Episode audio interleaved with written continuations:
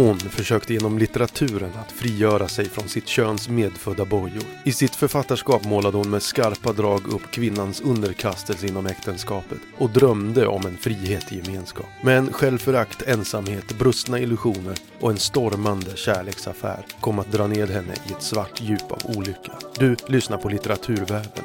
Ett poddradioprogram från Oxelösunds bibliotek om gestalter ur litteraturhistorien. Idag berättar vi historien om Victoria Benediktsson som att rista med nålsudd i sitt eget hjärta. Jag heter Jonas Ståhl.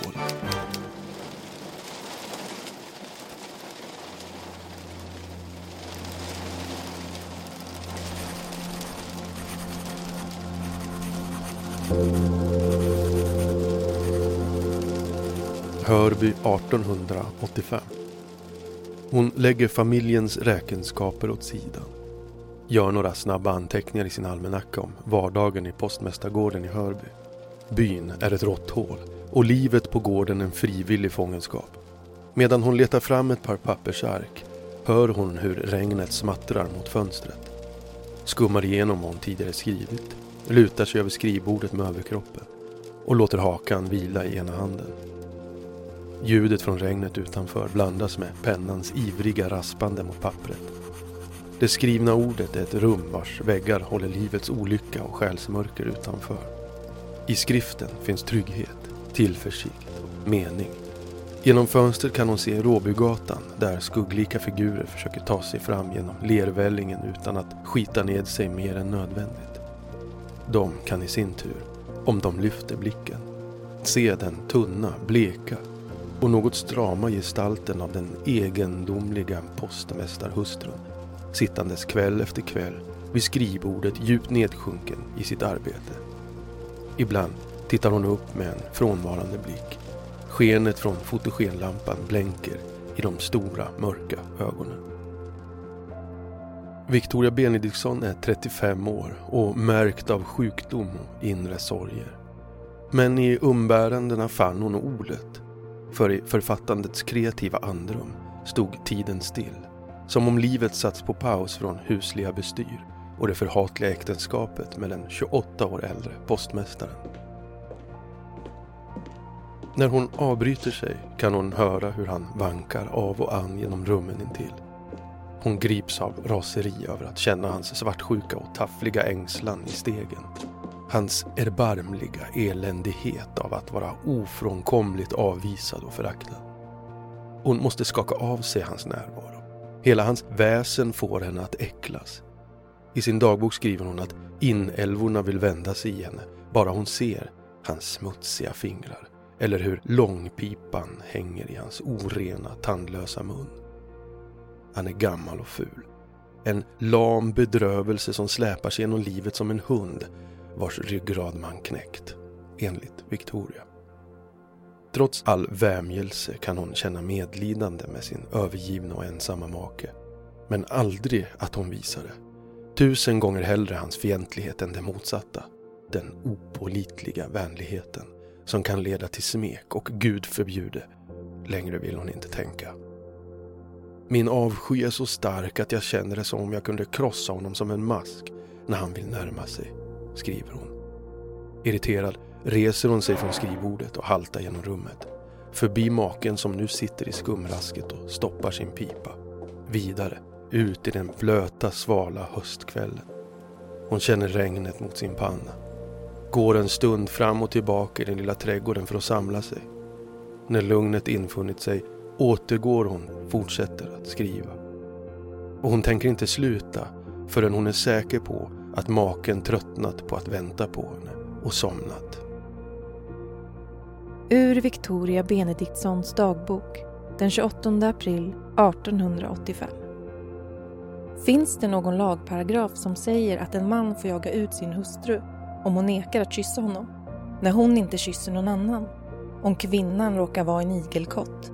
Mannen har köpt ett vackert litet djur han ikläder sig genom vixen skyldigheten att underhålla det köpta favoritdjuret. Han gör det i uträkning att alltid ha någon att kyssa. Men ponera nu att igelkotten sätter ut alla sina taggar och att mannen icke är starkare än hon. Att det finns energi nog hos henne att hellre strypa honom än att ge sig själv. Nå, Då står han där lurad på konfekten. När Victoria släcker lampan har regnet avtagit. Istället skimrar en halvmåne stundtals fram bland molnen. Råbygatan ligger tom och mörk framför henne. Hon kan se trädtopparna vid byns utkant vaja i nattbrisen. Hon längtar bort. Bort från Hörby och Postmästargården. Bort från äktenskapet och sitt köns medfödda bojor. Hon vill slå sig fram som författare på sina egna förtjänster och premisser. Inte som maka eller kvinna, utan som författare. Hon vill bli tagen på samma allvar som manliga skribenter och ta del av den frihet som bara skänkts dem. Förbannelse över att vara kvinna. När man fått en mans hjärna, skriver hon i sin dagbok. Hon sörjer att vara kvinna. Denna, enligt Victoria, mänskliga paria som aldrig kan höja sig ur sitt kast. Ur Victoria Benediktssons dagbok 1884. Dig ska man icke döma om du sjunger ut, ty du är en man. Mig ska man stena, ty jag är kvinna. Victoria lägger upp strategier. Hon vill vidga andrummet som skrivandet givit henne. Vidga frihetens ramar. Vidga livet. Hon ska skriva sig fri.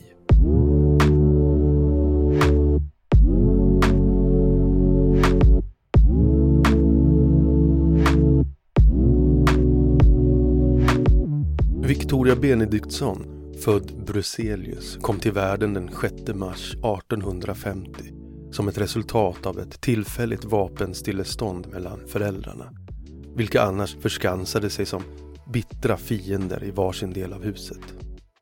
Om de möttes var det i matrummet som låg mitt emellan de två stridandes territorier. Victoria var familjens yngste, en sladdis, 20 år yngre än sitt äldsta syskon. Föräldrarna hade lika väl kunnat vara hennes mor och farföräldrar. Under sin uppväxt spenderade hon hälften av dagen hos modern och hälften hos fadern.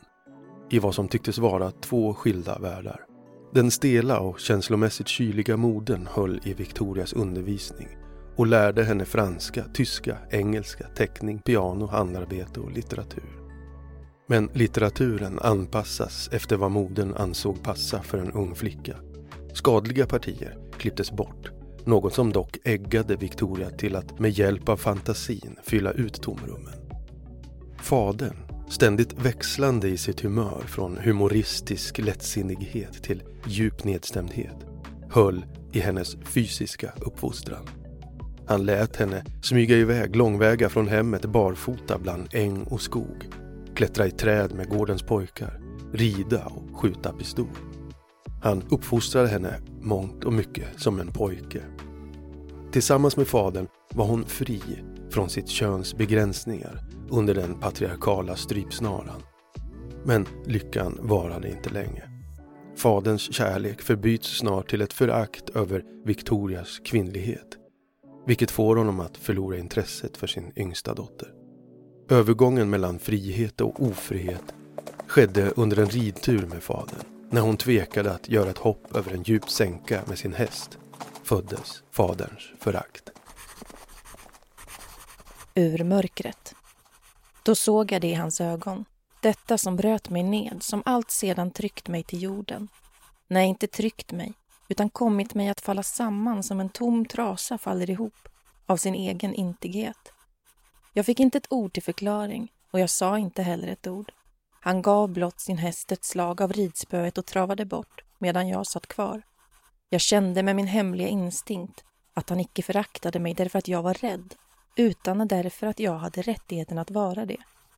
Jag kunde ju aldrig bli annat än, än en av dem för vilken fegheten är en dygd.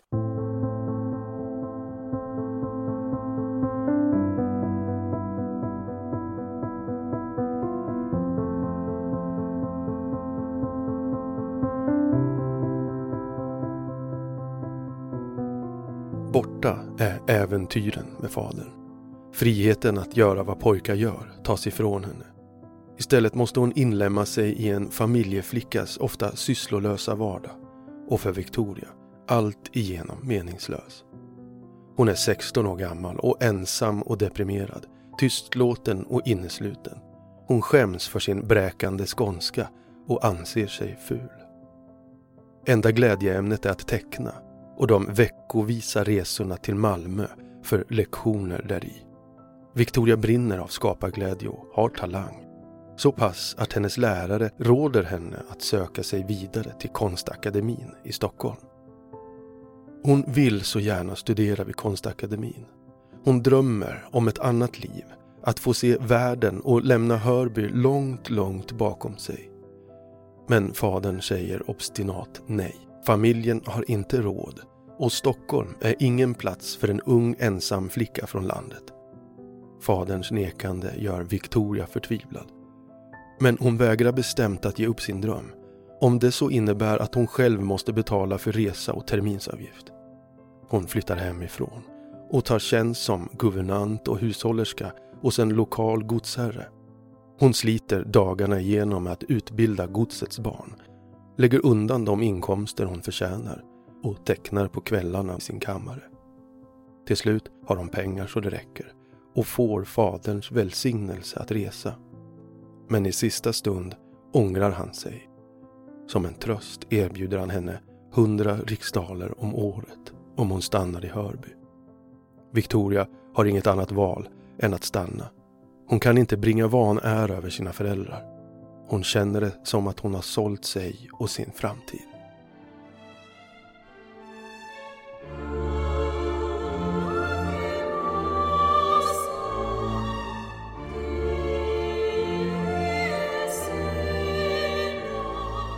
Förkrossad och olycklig söker hon undfly sin inre oro genom att gifta sig med postmästaren Christian Benediktsson.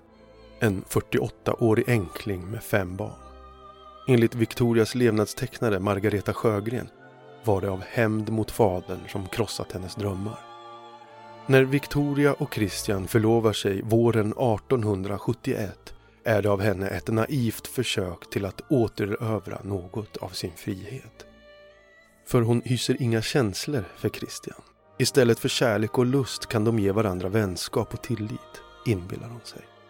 Hon ser sin blivande make som en bror, en kamrat, föga medveten om att hon åter sålt sig själv när de två vigs i september 1871.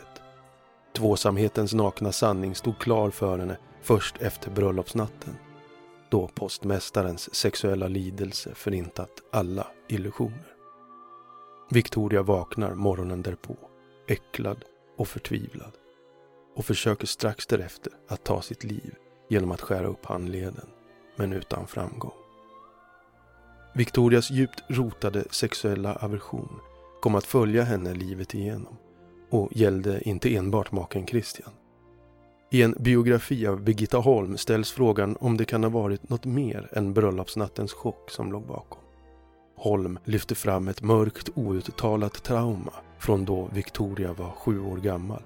Möjligen ett sexuellt övergrepp av någon i hennes närhet. Snart finner sig dock den blivande hustrun sig till rätta på postmästargården. Hon kan till och med finna nöje i att undervisa makens hemmavarande barn. Våren 1873 föds parets första barn, dottern Hilma. Men Victoria kom aldrig att älska sin dotter. Flickan, skrev hon, var en outplånlig erinran om vanära. Hilma var en skamfläck, en ständig påminnelse om sin besudlade kropp. Hilma är sin faders dotter, dum, loj och vårdslös. Och Victoria är livrädd för att bli gravid igen. Men tre år senare är det åter ett faktum. Djupt deprimerad och i förskräckelse försöker hon att svälta sig själv till döds utan att lyckas. I slutet av juni avbryter hon sin svältkur och den 22 juli föds Ellen, svag och undernärd på grund av moderns självsvält. Tre veckor senare är flickan död. Samma dag skriver Victoria kort i sin dagbok. Ellen dog.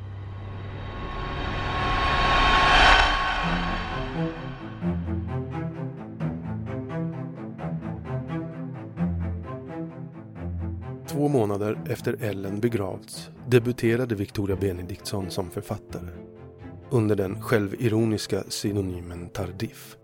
Franska för sent och en anspelning på sin, enligt henne själv, senkomna debut vid 26 års ålder publicerar hon följetongen Sirenen i Sydsvenska Dagbladet. Ett förstlingsverk som kritiserades hårt av många upprörda läsare då dess hjältinna, en enkel postmästarhustru, uppförde sig okvinnligt och framförde svidande kritik mot båda könen. En tid umgås hon och maken med den driftige och nyrike svensk-amerikanen Charles Quillfeldt som återvänt till Hörby för att avsluta ett par ouppklarade affärer. Victoria förtjusas över den unge utvandraren som gjort sin lycka på andra sidan Atlanten. De två blir som bror och syster med varandra. Men när Quillfeldt återvänder till Nordamerika står hon åter ensam. Tomheten som kommer därav känns oändlig och ogripbar och Victoria drabbas av nedstämdhet. Våren och sommaren 1881 ansätts hon av livsledans alla kval och blir sängliggande i svår frossa med andningssvårigheter, blodhosta och en illa varslande värk i ena knät. Hon uthärdar tålmodigt plågorna av vad som visar sig vara benhinneinflammation med psykosomatiska orsaker. Sjukdomstiden kom att bli lång och plågsam. Under två år är hon mer eller mindre sängliggandes på lasarettet eller hemma i Hörby. Men hon är, trots sjukdomen, orubblig i sin karaktär. Victoria opereras flera gånger utan att sövas. Som för att omfamna och genomlida smärtan likt ett reningsbad. Smärta, det är liv. Smärta som övergår mänskliga krafter, skulle hon senare skriva i en av sina romaner. Ur brev till Charles Quillfeldt 10 december 1882. Stackars Christian. Det har varit en svår tid för honom. Men han har icke skytt några uppoffringar för att lindra plågorna eller rädda mig från den överhängande faran. Och nu har vi ju hopp om att ansträngningen ej varit förgäves. Jag har icke varit rädd för att dö, men det gjorde mig så ont att se hur ledsna de mina voro, när de trodde mig så nära slutet. Då sjukdomen slog om och det såg ut som om jag skulle leva var det med verklig motvilja jag tänkte på att ånyo taga fast i livets bestyr och intresse, vilka då föreföll mig lika obetydliga och tröttande. Nu är det annorlunda. Mitt mod, min uthållighet har bestått så hårda prov. Livet har visat sig från så nya sidor att jag känner mig mindre håglös än förr.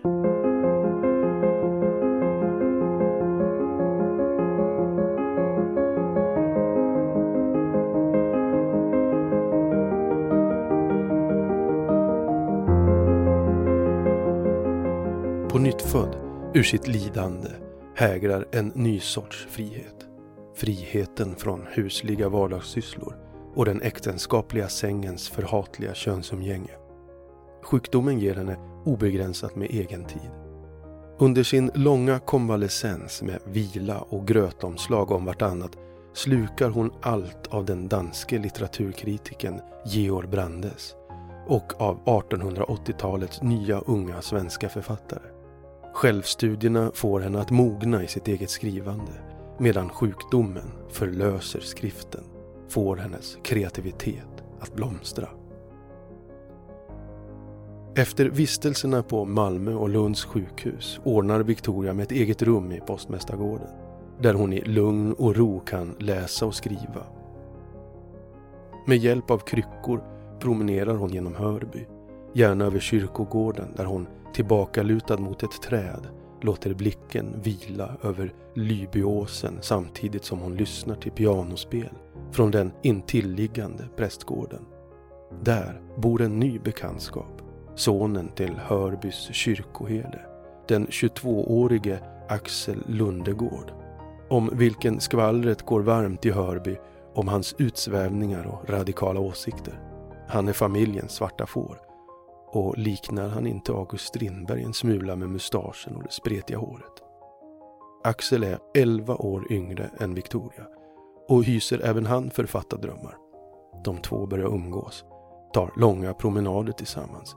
Axel är en flitig besökare i Postmästargården och Victoria i prästgården. De ses så pass mycket tillsammans att det börjar pratas i byn. Det kan väl inte vara lämpligt att en ung man och en gift kvinna umgås sådär på tu hand. Skandalen är ett faktum. Kyrkoherden försöker förbjuda sin son att träffa fru Benediktsson och postmästaren ber och sin tur sin fru att inte träffa den unge Lundegård. Victoria lyssnar inte. Låt dem prata. Axel är en del av det unga Sverige. En samling av 1880-talets författare som, trötta på förljugna och traditionsbundna ideal, ville släppa lös realismen och samhällsdebatten i sina verk. Inspirerade av norrmannen Henrik Ibsens pjäser Dockhem och den danske litteraturkritiken Georg Brandes texter. Tillsammans med Axel kan Victoria äntligen diskutera litteratur och texter med någon. Axel blir en förtrogen, någon hon kan släppa in innanför sitt skal utan föreställningar och masker. De hjälper varandra, stöttar och blöter varandras texter, kritiserar, kommenterar och redigerar. Men när Axel kallar ett utkast han läst för sentimentalt etsar det sig fast i Victoria och blir till ett flammande rött sår som inte tål beröring. Vad som helst, men inte sentimental. Ordet tar fram det svaga, konventionellt kvinnliga i henne. Hon skäms, känner sig till intet jord utan någon som helst litterär begåvning. Och ändå känner jag att jag icke kan leva för annat än litteraturen, skriver hon i Stora boken i juni 1884. Stora boken var Victoria Benediktssons intimt självanalytiska dagböcker. Uppblandat med aforismer, berättelser och skvaller. Stora boken är en sällsam blandning av stilsäker fiktion och sårbar sanning. Med åren växte Stora boken till flera band och blev som ett andra jag. Ett alter ego, ett surrogat för den vänskap hon så ofta saknade.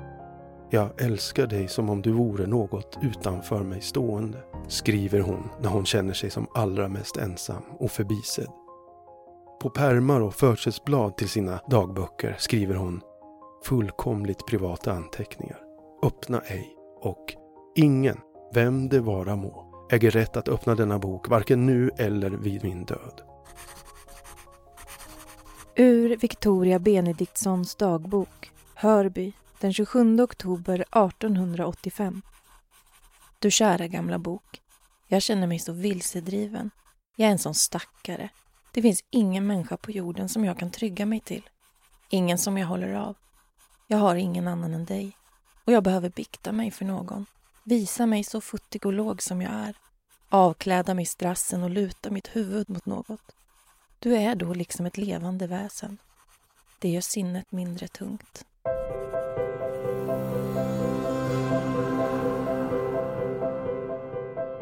I juni 1884 debuterar Victoria med sin första bok, novellsamlingen Från Skåne, som gavs ut under pseudonymen Ernst Ahlgren. Att kvinnliga författare skrev under ett taget manligt namn var vanligt under 1800-talet, då det var ett försök till att få sina verk bedömda på lika villkor som sina manliga kollegor. Victoria kom att publicera sig som Ernst Ahlgren ända fram till sin död.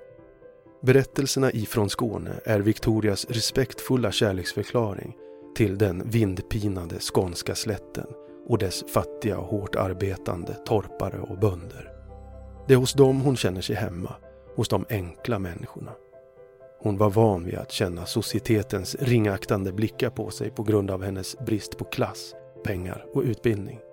Hon kallar sig själv för litteraturens underklass som likt en hungrig hund måste gå snokande omkring och slicka upp smulorna. I anden bär hon den blå arbetsblusen medan hon skriver. Ifrån Skåne fick den enkla, fattiga människan en röst i till exempel Gamle Ola, lika skrovlig och benhård som sin sjukbädd av ohyvlade bräder. Flicktösen Ingar, en av tre i en hjärtevarm äktenskapsfars. Kärnsund som ett ouppodlat fält med fagra ängsblommor bland tistel och starrgräs. Per Hansson, som med sina grova händer, toviga röda skägg och smutsgrå ansikte märkt av åratal av hårt arbete, kämpar emot tårarna medan han betraktar sin avlidna hustru i den gemensamma sängen. Och så den slitne och skitige jordarbetaren Anders Hansson.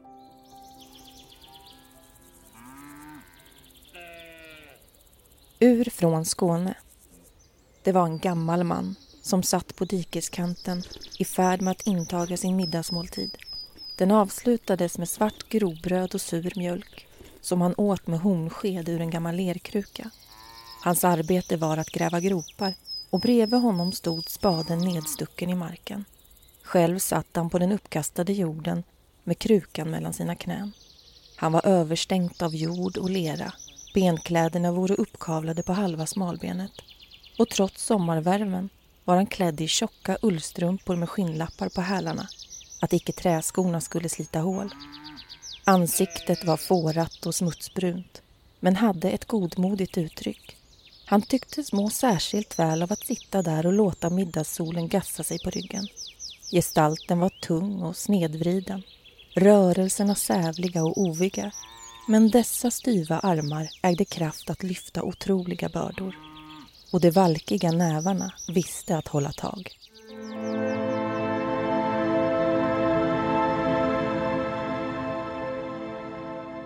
Hösten 1885 kom Victoria Benediktssons stora genombrott med romanen Pengar. En kritisk dissekering av äktenskapskontraktet med en självmedveten kvinna i huvudrollen.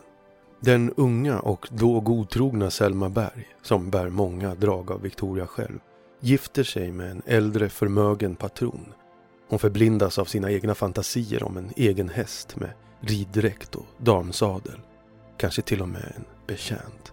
Som spekulant på patrons rikedomar förvandlas Selma till en vara till salu på äktenskapsmarknaden. Ur pengar. Om jag sa att jag kände kärlek för er så ljög jag, sa hon med tonen hos en skolpojke som läser upp ett stycke ur en hjältedikt vilket särskilt slagit an. Det var tydligt att hon läst över. Men om ni verkligen tycker om mig, och det tror jag ni gör, så skulle jag nog kunna hålla av er. Visserligen icke som min pappa, men kanske sådär som jag nu håller av farbror eller min kusin Rickard. Patronen spratt upp ur sin hänsjunkna ställning. Det var icke särdeles lovande, denna möjlighet att bli avhållen som kusin, men det kommer sen, det kommer sen, försäkrade han. Nej, svarade hon med mycket bestämdhet. Det var just det jag ville säga, att det tror jag aldrig det gör. Han smålog i medvetandet om att han visste så oändligt mycket mer än hon. Jo, det kommer, sa han. Det kommer när vi blir gifta. Eh, det kan väl inte göra så stor skillnad, sa hon överlägset. Var och en vet väl att förlovningstiden är den lyckligaste. Bröllopsnattens tribut till det manliga begäret får henne dock att vakna upp och inse sin nya prekära verklighet. Hos Selma Berg var, skriver Victoria, det naiva barnet försvunnet. Ärligheten borta och i dess plats stod självuppehållelsedrift och föreställning. Nu var kvinnan färdig. Selma inser att hon sålt sig för pengar. Hon är från och med nu, som Nina Björk skriver i sin avhandling Fria själar, blott en post i en handelstransaktion. Romanen följer Selmas utveckling från en naiv flicka till en mogen självmedveten kvinna som försöker ta makten över sin kropp och frigöra sig från maken.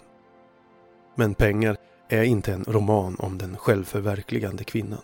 Victoria Benediktsson gör någonting annat än gestaltar en kvinnas mognad, skriver Nina Björk och fortsätter. I den snabbt växande penningekonomins barndom gestaltade hon istället omöjligheten av den fria människans utveckling. Genom att ha sålt sin kropp har Selma även sålt sin själ. Förvandlingen från person till vara är oåterkallelig. Hon kan föreställa sig och ge sken av att vara något annat än hon är. Friheten är en chimär, för i grund och botten är hon i klorna på penningen vars grepp hon omöjligt kan ta sig loss. Ur pengar. Då kom det med ens över henne en vidskeplig fasa. Hon såg på seden den största summa hon någonsin ägt. Var det icke blodspenningar? Vad hade hon sålt? någonting inom sig själv, sin egen smärta och för pengar. Hon tänkte på Judas. Pengar fick ett positivt mottagande av den samtida kritikerkåren. Bokens författare lyftes som hemmahörande i det främsta ledet av moderna författare. Författaren och poeten Ola Hansson skrev i Aftonbladet att boken skildrade en stort anlagd naturs kamp med trånga förhållanden och kallade Ernst Ahlgren för den friskaste personligheten i vår nya litteratur.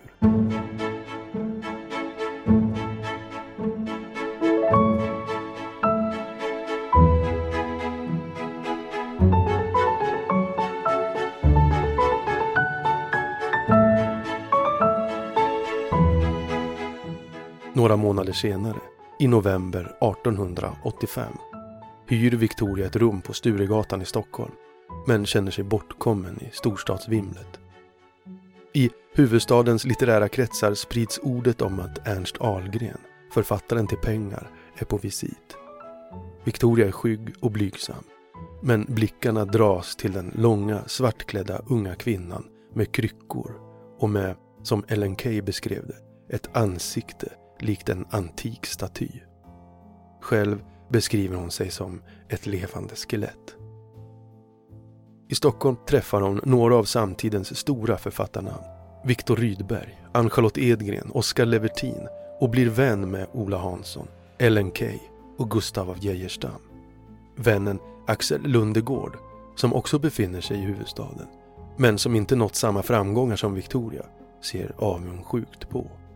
Trots att hon omges av människor som visar henne uppmärksamhet och delar hennes intressen känner hon sig stundtals oerhört ensam och hon äcklas över att få höra om Axels besök bland stadens prostituerade. Hon tänker på dessa kvinnor som knappt äga en själ. Sålda djur som säljas värre än till slakt, skriver hon. Hon liknar Stockholm vid en stor skvallerhåla, ett idéernas loppmarknad av lögn och falskhet där de litterära storheterna är små och ihåliga, tömda på allt verkligt innehåll. Allt tycks vara på lek. En omöjlighet för Victoria. Hon genomskådar huvudstadens litterära kotteri och vinner en tro på sig själv och sin egen kapacitet. Ur Victoria Benediktssons dagbok den 3 januari 1885. Det har kommit ro i mitt sinne. Ett stilla, tryggt lugn. Jag ser att jag icke bör avundas dem som bor här uppe. Och jag ser vilken stor rikedom jag har i det. Att icke blygas över att vara fattig, att leva tarvligt, att bo i ett naket, fult kyffe. Med ett ord. Jag ser att om jag än icke har snille så finns det en kraft i min karriär med vilken jag bör slå mig fram dit jag vill. Jag har seghet och originalitet nog att icke spårlöst gå ur tiden.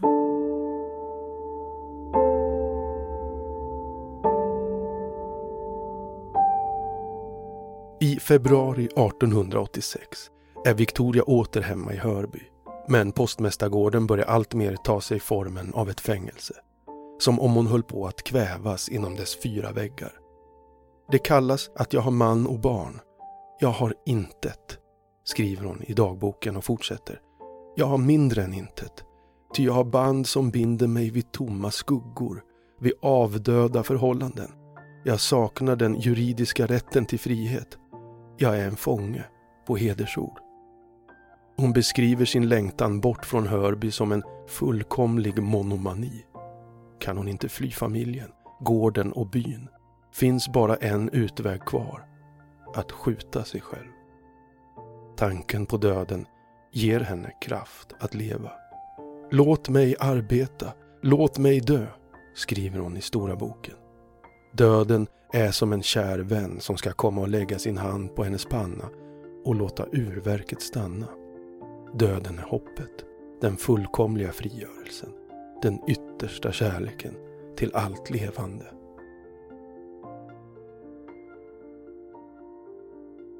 Ur Victoria Benediktssons dagbok Hörby den 3 februari 1886 Jag vankar omkring i dessa rum där jag alltid känt mig som en främling. Min sorg är så djup, som om någon jag haft kär nyss burits bort i sin svarta kista, så hela hemmet förvandlats till en enda gapande tomhet. Allting är öde och ändå måste jag släpa på livets tunga länkar. Ensam, ensam Brännande tårar bända sig fram under mina ögonlock medan jag skriver. Jag skulle vilja gråta stormande stritt som ett åskregn, men jag kan icke. I denna dödsfrusna tystnad. Jag skulle vilja äga en människa att tala till. Allt är mörker och tomhet. Endast då och då blixtrar tanken på självmord fram som den sista utvägen. Men Victoria finner kraft i andra kvinnors mod och styrka. Författarna George Eliot och Harriet Martineau hade vunnit sin frihet. Kanske kan även hon göra likadant. Köpenhamn kom att bli skådeplatsen för Victorias sista frigörelseförsök.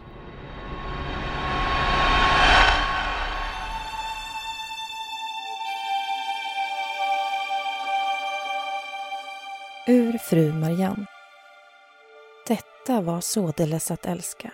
Detta. Att lida så bottenlöst.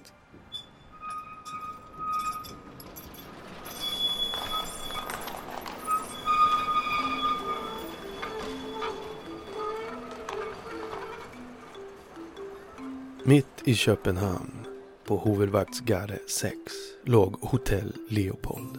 Ett populärt tillhåll för skandinaviska författare och kulturutövare. Här skapar sig Victoria ett andra hem i ett rum på nedre plan med röda plyschmöbler och utsikt över hotellets innergård. I korridorernas dunkla belysning med golvet täckta av bruna kokosborstmattor kan hon stöta på vännen Axel Lundegård. Och några dörrar bort bor August Strindberg och Siri von Essen. Från sitt rum hör hon spårvagnarna från Kongens Nytorg, ett stenkast bort. Under 1800-talets senare hälft lyser Georg Brandes stjärna allra starkast på den litterära himlen. Han är litteraturkritiken på allas läppar. Inte bara i Köpenhamn, utan i hela Norden och i Europa. Victoria har länge beundrat honom på avstånd. Han har via sina böcker inspirerat och guidat henne i hennes eget författarskap. Brandes, som har hört talas om Victorias, alias Ernst Ahlgrens ankomst till Köpenhamn via Axel Lundegård låter meddela att han önskar erlägga visit hos den svenska författarinnan som väckt hans nyfikenhet. Victoria blir eld och lågor när hon får höra om det kommande besöket. Hon byter hotellrum till ett större och lyxigare, mer passande för litterär salong med Danmarks stora celebritet. Hon jäktar genom Köpenhamns gator och butiker, inhandlar en dekorationskanna och en krämgul rosenknopp för att göra rummet så inbjudande som möjligt. Men hon är på sin vakt. Brandes, som under sina föreläsningar propagerar för fri kärlek, är en känd kvinnotjusare med otaliga utomäktenskapliga förbindelser i bagaget. Trots det slår hjärtat hårt i bröstet när hon kan höra hans steg i hotellkorridoren. Så står han där, klädd i ljusbrun överrock, en kort finlemmad karl med yvig mustasch och mörkt vågigt hår som tycks stå rätt upp.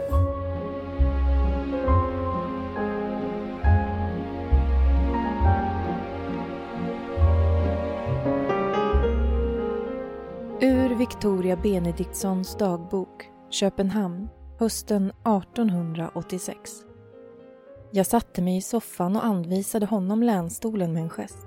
Han tog icke emot den, utan flyttade fram en av de mindre stolarna alldeles mitt emot mig.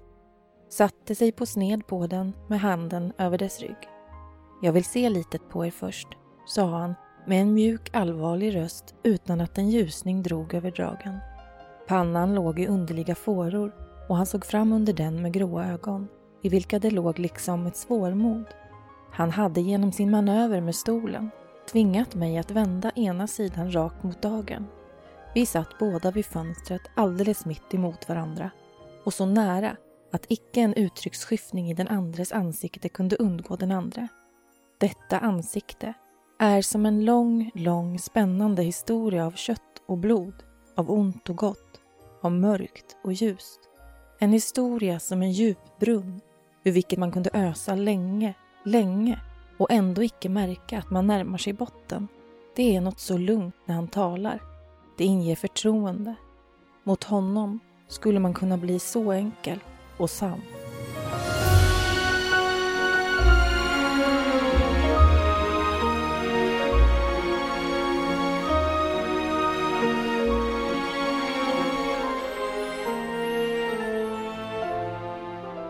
När Geo Brandes efter en lång och öppenhjärtig konversation tackar för sig kysser han Victoria på handen.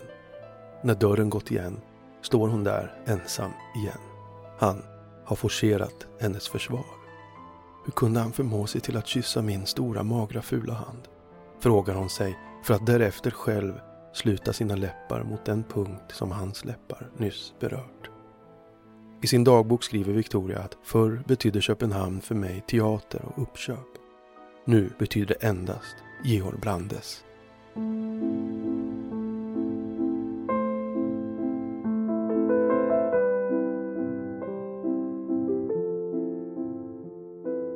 Vännen Axel Lundegård besväras av Victorias intåg i Köpenhamn. Som om hon försökte tränga sig in i hans liv. Victoria ber honom därmed låtsas som att hon inte finns. Hon tänker inte störa.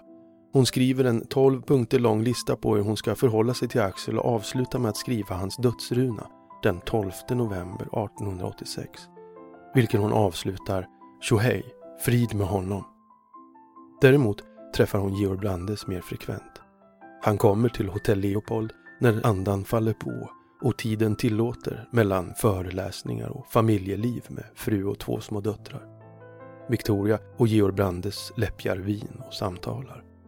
Hon förbländas, blir upp över öronen förälskad, vilket får henne att i strålglansen från den store passionerade litteratören förminska sig själv. Han tycks outtömlig på kunskap och livserfarenhet. Hon ängslas över sin egen enfald, benämner sig själv som landsortsförfattare och stundtals övergår hennes självrannsakan till självhat och ren och skär förtvivlan över sin, som hon själv uttrycker det, naturligt obotliga dumhet. Han förhör sig om vad hon läst, letar i öppen dager efter hennes kunskapsluckor och Victoria erkänner med blygsel ända ner till jorden att hon knappt läst något av de författare han nämner. Ur Victoria Benediktssons dagbok, Köpenhamn den 17 december 1886. Jag hade läst intet, absolut intet. Han överväldigad av förvåning och förfäran. En sån exempellös okunnighet. Där var snaran, där var galgen. Man famlade om min hals. Jag visste att falluckan var under mina fötter. Den skulle glida undan. Dö, ynkrygg, Dö, dö. Dig har livet inget haft att giva. Du har förmätet sträckt din hand efter det som ej tillfallit dig gratis eller genom arv. Dö, dö, föraktliga kryp. Men jag skulle icke dö. Nej, naturligtvis icke. Krypet skulle nöja sig med att bli liggande på marken, kravlande omkring på den fläck där den trampats ned. Nej, jag fick icke dö. Han skulle sätta upp en lista på böcker åt mig. Medan Brandes slår sig ned vid skrivbordet och börjar anteckna på den lista han utlovat ber han henne att komma och sätta sig bredvid. Han försöker likt en mentor vägleda henne i livet. Läs det här, gör så, gör si, skaffa dig ett förvärv. Victoria känner sig sönderbråkad, oduglig och förkastad. Medan tårarna rinner kysser han hennes panna. Hon sluter ögonen känner hans varma andedräkt mot kinden så sluts hans läppar mot hennes. Men det är som om närheten förpassar kärleken, förvandlar den till oigenkännlig smuts. Kyssen, skriver hon, var precis samma slags kyss som min man lärt mig att avsky. Efteråt blir stämningen obekväm. Han ser frågande på henne, som om hon var honom främmande. När han lämnar hotellrummet ser hon sig länge i spegeln som för att finna sig själv. Några dagar senare är han tillbaka. Hon har skrivit om kyssen i sin dagbok. Hon låter honom läsa och han blir rasande. Hon har, menar han, på ett vidrigt och onaturligt sätt dissekerat något högst naturligt. Han är förnärmad, kränkt av hennes ofina och plumpa sätt och vill ha tillbaka sitt porträtt han tidigare givit henne. Gråtandes bönar Victoria om att få behålla porträttet och hon ber honom om förlåtelse om och om igen.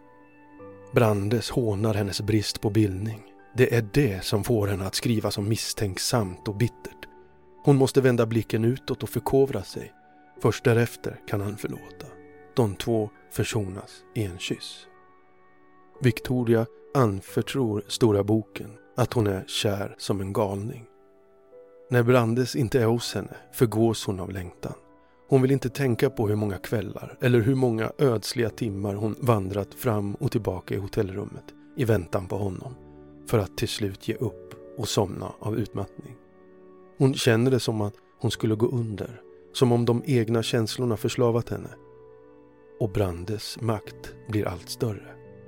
Länge sitter hon framför spegeln och klipper till modeenlig lugg efter att han insinuerat att han inte gillar hennes frisyr. Han klagar på att hon är svår att förstå. Han gillar inte den skånska dialekten och inte heller hennes röst. Den har något monotont över sig.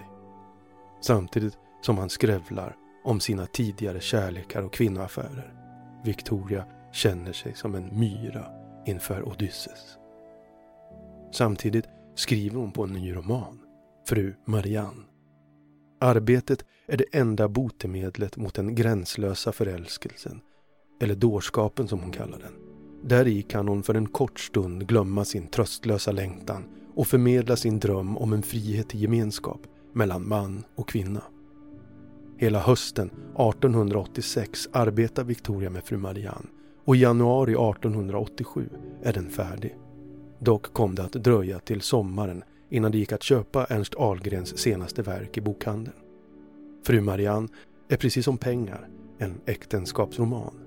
Men där Selma Berg sökte frihet från make och dennes penningar söker den nya romanens protagonist, Marianne Olsson, friheten i arbetsgemenskap och lojalitet med den äkte mannen. Fru Marianne har kallats för en skånsk Madame Bovary. Till en början är Marianne en nygift, bortskämd och världsfrånvänd borgerlig ung kvinna som drömmer om kärlek och salongsliv, likt den i romanernas värld. Ur Fru Marianne Marianne hade fått brevet just efter middagen då hon med en roman i knät låg på schäslongen in i sitt rum för att taga sin lilla siesta. Hon hade kastat boken för att istället läsa brevet. Och sedan hon slutat låg hon stilla med blicken drömmande riktad ut i rymden. Förkänningen av en verklighetsroman spred sig över hennes fantasi som en varm imma. Med detta friarbrev i sin hand, med bröllopet i bakgrunden, hade hon rätt att drömma. Hon försökte föreställa sig honom. Hon tänkte sig i hans natur någonting våldsamt som låg och gömde sig under den lugna ytan. Denna obändighet som hon drömde om lockade henne. Det låg någonting för hennes drivhusvuxna kvinnlighet äggande i att tänka sig älskad av en sådan, nästan rå natur. Det var någonting sagolikt och förtrollande. Någonting för nyfikenheten retande i att veta sig viljelös, värnlöst hängiven åt en sådan man. Det var detta Marianne drömde om hon hade ett omättligt begär efter att bli älskad. Inte som människa blott, utan som kvinna. Verkligheten gör dock Marianne besviken. Den jordnära och tillgivne maken Börje sliter hellre på gården tillsammans med dess anställda än spendera dagarna i salongen med Marianne. Hon tål inte gårdsfolket, pigorna, kammarjungfrun, drängarna. De tycks henne som oskäliga djur, långt från romanerna och de sköna konsternas värld. Hon söker sig så till makens vän, den estetiske och sensible bohemen Paul. De två spenderar på tu man hand oändligt med timmar i Mariannes lilla boudoir. Men en kväll då hennes blick möter hans bakom makens rygg vaknar hon upp ur sin fantasivärld. Marianne blir som uppslukad av hans djupa och lidelsefulla blick som om Paul genom att suga motståndskraften ur henne försökte föra henne in på brottsliga vägar. Medan hon vrider sin blick ur hans, vacklande berusad som ur en lång omfamning, inser hon sitt misstag. Sitt sinnliga svek mot Börje. Som om hela hennes varelse var brännmärkt av en fullkomlig uselhet. Ur fru Marianne. En kvinna i hennes belägenhet upptagen av en futtig ögonkurtis. Det var inte ett brott, inte ett sår att blöda ur eller en förbrytelse att avsona. Det var ingenting. Endast en rutten fläck i hennes liv. En rutten fläck som inte skulle bli synlig för andra men som hon alltid skulle bära med sig. Ingen skulle tillvita henne något, ingen utkräva straff. Det var bara för henne själv. Det var hennes ömkliga lilla hemlighet. Marians ögon öppnas. Hon hade fått blick för allt som omgav henne och det fängslade henne mer än någon diktad drömvärld, skriver Victoria. Hennes omgivning förvandlas till något vackert, hedersamt och respektingivande i maken, gården och dess folk. Marianne vinner sin frihet och jämlikhet som bondhustru och maka. Romanen fick ett förtjänstfullt mottagande varav en recensent hyllade författarens förmåga att se livet för vad det är, berättad med kärlek till sina medmänniskor.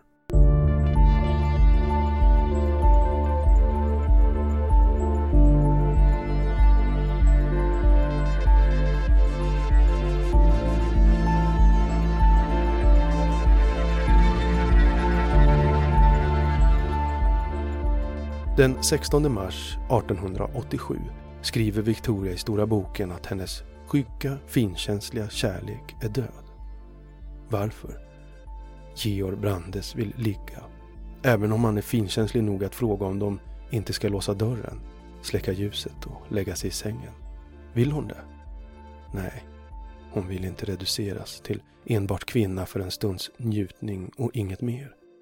Men är samtidigt medveten om att vad hon än svarar kommer att förändra deras relation. Att han distanserar sig från henne. Brandes får lirka ut ett svar. Men hon vill inte, säger hon. Snart kommer frågan igen. Ska vi inte släcka lyset ändå? Victoria känner sig som en missdådare när hon återigen nekar honom sin kropp. Hon kan inte. Men hon kan heller inte vara honom förutan. Någon vecka senare är hon åter i Hörby och skriver i sin dagbok att han genom sin åtrå och smekningar har löst mig från en förtrollning, fasan över min egen fulhet. Jag är nu som andra, som andra, en vanlig kvinna som en man kan kyssa utan avsmak. Men hon har nu kommit till sans och frigjort sig ur hans grepp, skriver hon. Hon är lugn och lycklig, för, fortsätter hon, jag har varit kvinna för återstoden av mitt liv kan jag vara människa. För att komma ifrån reser hon två gånger till Paris under våren 1887. En frivillig landsflykt som hon själv benämner det. Men i Paris upplever hon dagar, veckor av oerhörd tomhet och funderar på att ta sitt eget liv. Brandes repar mod efter att ha blivit nekad av Victoria genom att ha en kärleksaffär med en rysk furstinna. Han plågar henne med historien Victoria skickat honom fru Marianne i förhoppning om att finna hans gillande. När hon får svar en vecka senare är det förgörande. Han skriver att han med bästa vilja försökt tycka om hennes senaste roman, men utan resultat. Det är, skriver han liksom för att tillintetgöra henne, i hög grad en damroman. Ur Victoria Benediktssons dagbok, Hörby den 26 juni 1887. Jag kan icke mer. Allt mitt arbete har varit förgäves. Jag är för svag. Jag duger icke att leva. Jag endast lider. Jag är rädd. Jag är feg. Gud, om du finnes, låt det gå fort.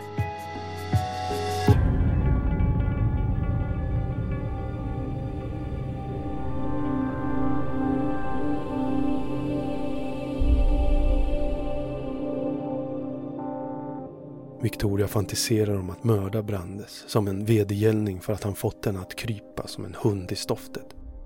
Hur lång skulle den väg vara? frågar hon sig, vilken betecknas av nedbrutna kvinnoexistenser. Hon vill hämnas, hela kvinnlighetens oförrätter. I Hörby har hon provskjutit sin revolver i postmästargårdens trädgård. Hon skulle kunna pressa mynningen mot hans bröst och trycka av, sätta gränsen för sig och för sina medsystrar. Men det stannar vid fantasier. Istället författar hon novellen Förbrytarblod. En omskrivning av de plågor av förakt och ointresse Brandes visat henne sedan hon nekat honom sin kropp. I jordarbetaren Pers till döden lidelsefulla men hopplösa förälskelse i den avvisande och sarkastiska Anna kanaliserar Victoria sin hatkärlek till Georg Brandes. När kärleken står obesvarad och nedtrampad i dyn blir dess yttersta konsekvens Pers oregerliga urladdning då han stöter kniven om och om igen i den han älskar. Den enda människa han hållit av. Förbrytarblod kom att ges ut postumt. Kärleken till Brandes innehåller ett mörker, en föraning om en kommande tragedi. Förälskelsen har, som Nina Björk påpekar, uppdagat Victorias självbedrägeri. Björk skriver att jag tror att det ytterst handlar om hur en lögn hinner ikapp henne. Lögnen om att hon kunde skriva sig ur en oönskad kvinnlighet. Lögnen om att hennes egen vilja och förmåga var det enda avgörande. Lögnen om arbetet som frihetens rum.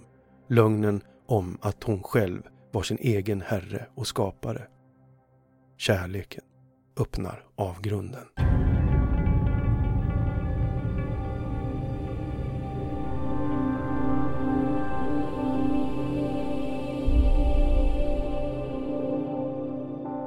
I november 1887 skriver Victoria i sin dagbok att hon är fången i en svart förtvivlan.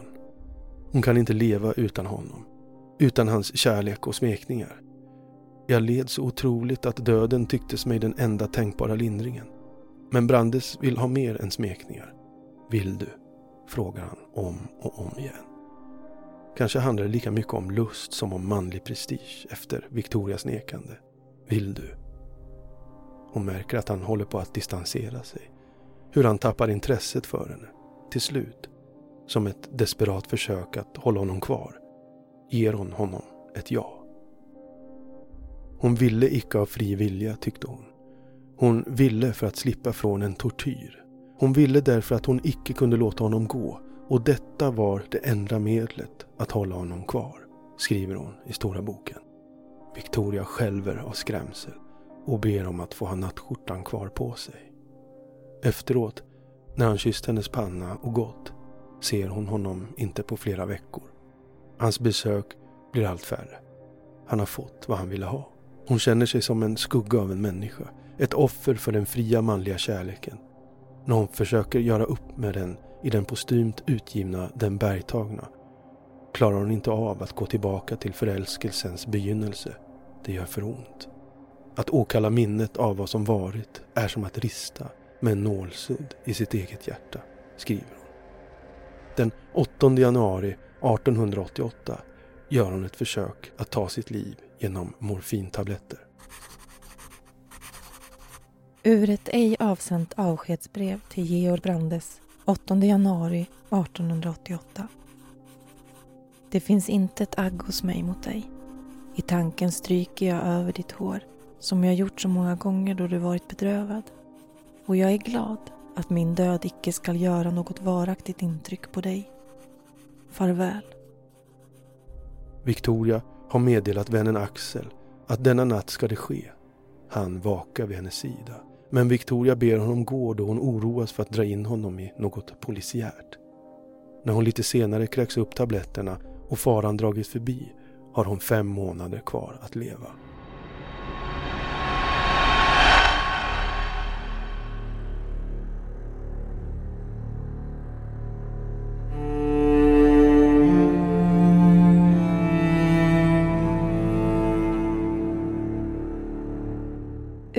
Victoria Benediktssons dagbok den 14 juli 1886.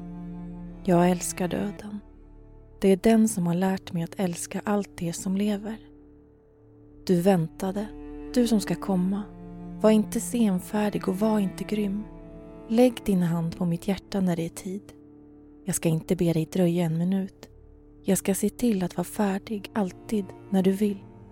Men lägg mig inte på din sträckbänk. Har jag inte lidit? Lägg din hand på min panna och låt urverket stanna. Det är ju nog. Låt mig dö innan det är mig för tungt att leva.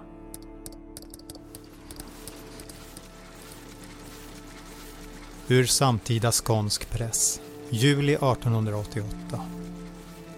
Victoria Benediktsson hade på Leopolds hotell där hon bodde visat sig melankolisk och med hotellets folk vilkas hjärtan hennes vänlighet vunnit satt hon ofta om kvällarna och talade om sitt tungsinta liv.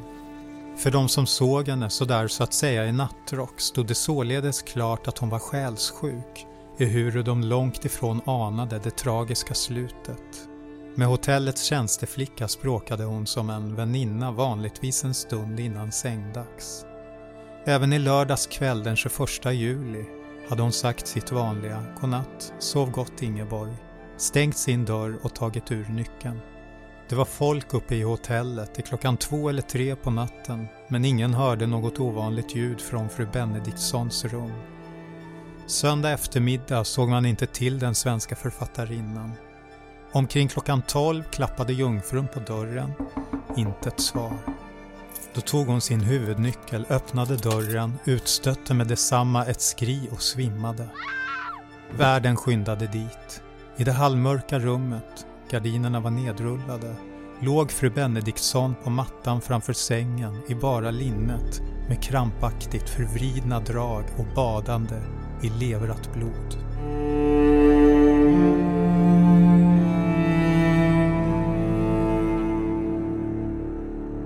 Självmordsbrev till Axel Lundegård den 21 juli 1888. Vad ska jag säga? Du vet allt och ditt är allt. Sök att vara lugn och duktig, kära gosse. Om jag är riktigt död och kall, så var glad att allt är förbi. Gläds över att jag fått ro. Detta var enda sättet, som jag nu en gång var. Jag skulle helst vilja att du inte ser mitt lik, om det ser hemskt ut. Och det gör lik ju alltid. Jag är mest rädd för att vara för lätt på handen i det avgörande ögonblicket och att misslyckas, liksom sist. Var glad när det är över. Jag är så feg att om inte övermänskliga själskval dag efter dag fört mig närmare det jag ryser för så hade jag aldrig vågat göra det. Om det fanns ringaste möjlighet att leva så skulle jag inte göra det. Men ett och ett halvt års kamp har visat mig hur fåfängt det är att strida mot mitt öde. Det finns ingen räddning. Ner i det svarta djupet. Ur Dr H. Philipsens dödsattest den 22 juli 1888. Liket hittades liggande på mage med huvudet vänt åt vänster sida Högra handen korslagd in under bröstet, vänster arm utsträckt åt sidan. Liket låg på golvet, omedelbart vid sidan av sängen. På högra sidan av halsen fanns med inbördes mellanrum av tre fjärdedels tum fyra på tvärs löpande färska snitt cirka en tum långa. De två översta och det understa av dessa var överflödiga då det näst översta i stor utsträckning hade öppnat halspulsådern och förorsakat en utöver det vanliga riklig blödning både i sängen och på golvet, tillräcklig till att förklara dödsorsaken. Snittet är frambrakt med en barberarkniv som låg på golvet vid likets högra sida, vilken var kraftigt nedblodad.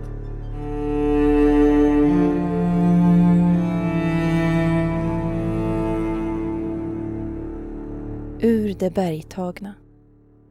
Vad det gäller för mig är endast att visa varför det levandes värld icke är min. Jag försvarar icke mitt liv, jag försvarar min död. Den bergtagna kan aldrig mer leva bland de sina. Victoria Benediktsson blev 38 år gammal. På hennes gravsten på Västre Kierkegaard i Köpenhamn står hennes författarpseudonym Ernst Ahlgren och en italiensk bön implora pace. Jag ber om frid.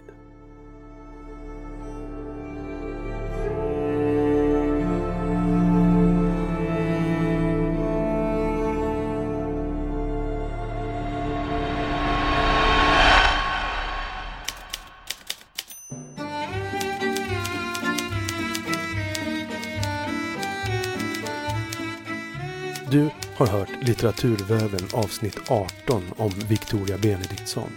Ett poddradioprogram från Oxelösunds bibliotek. Text och inläsning av mig, Jonas Ståhl. Victoria Benediktssons texter lästes av Hanna Ståhl Wintzell och pressklipp och dödsattest lästes av Dick Lundberg. Victorias porträtt är illustrerat av Irem Babovic. Nästa avsnitt av Litteraturväven handlar om Oscar Wilde.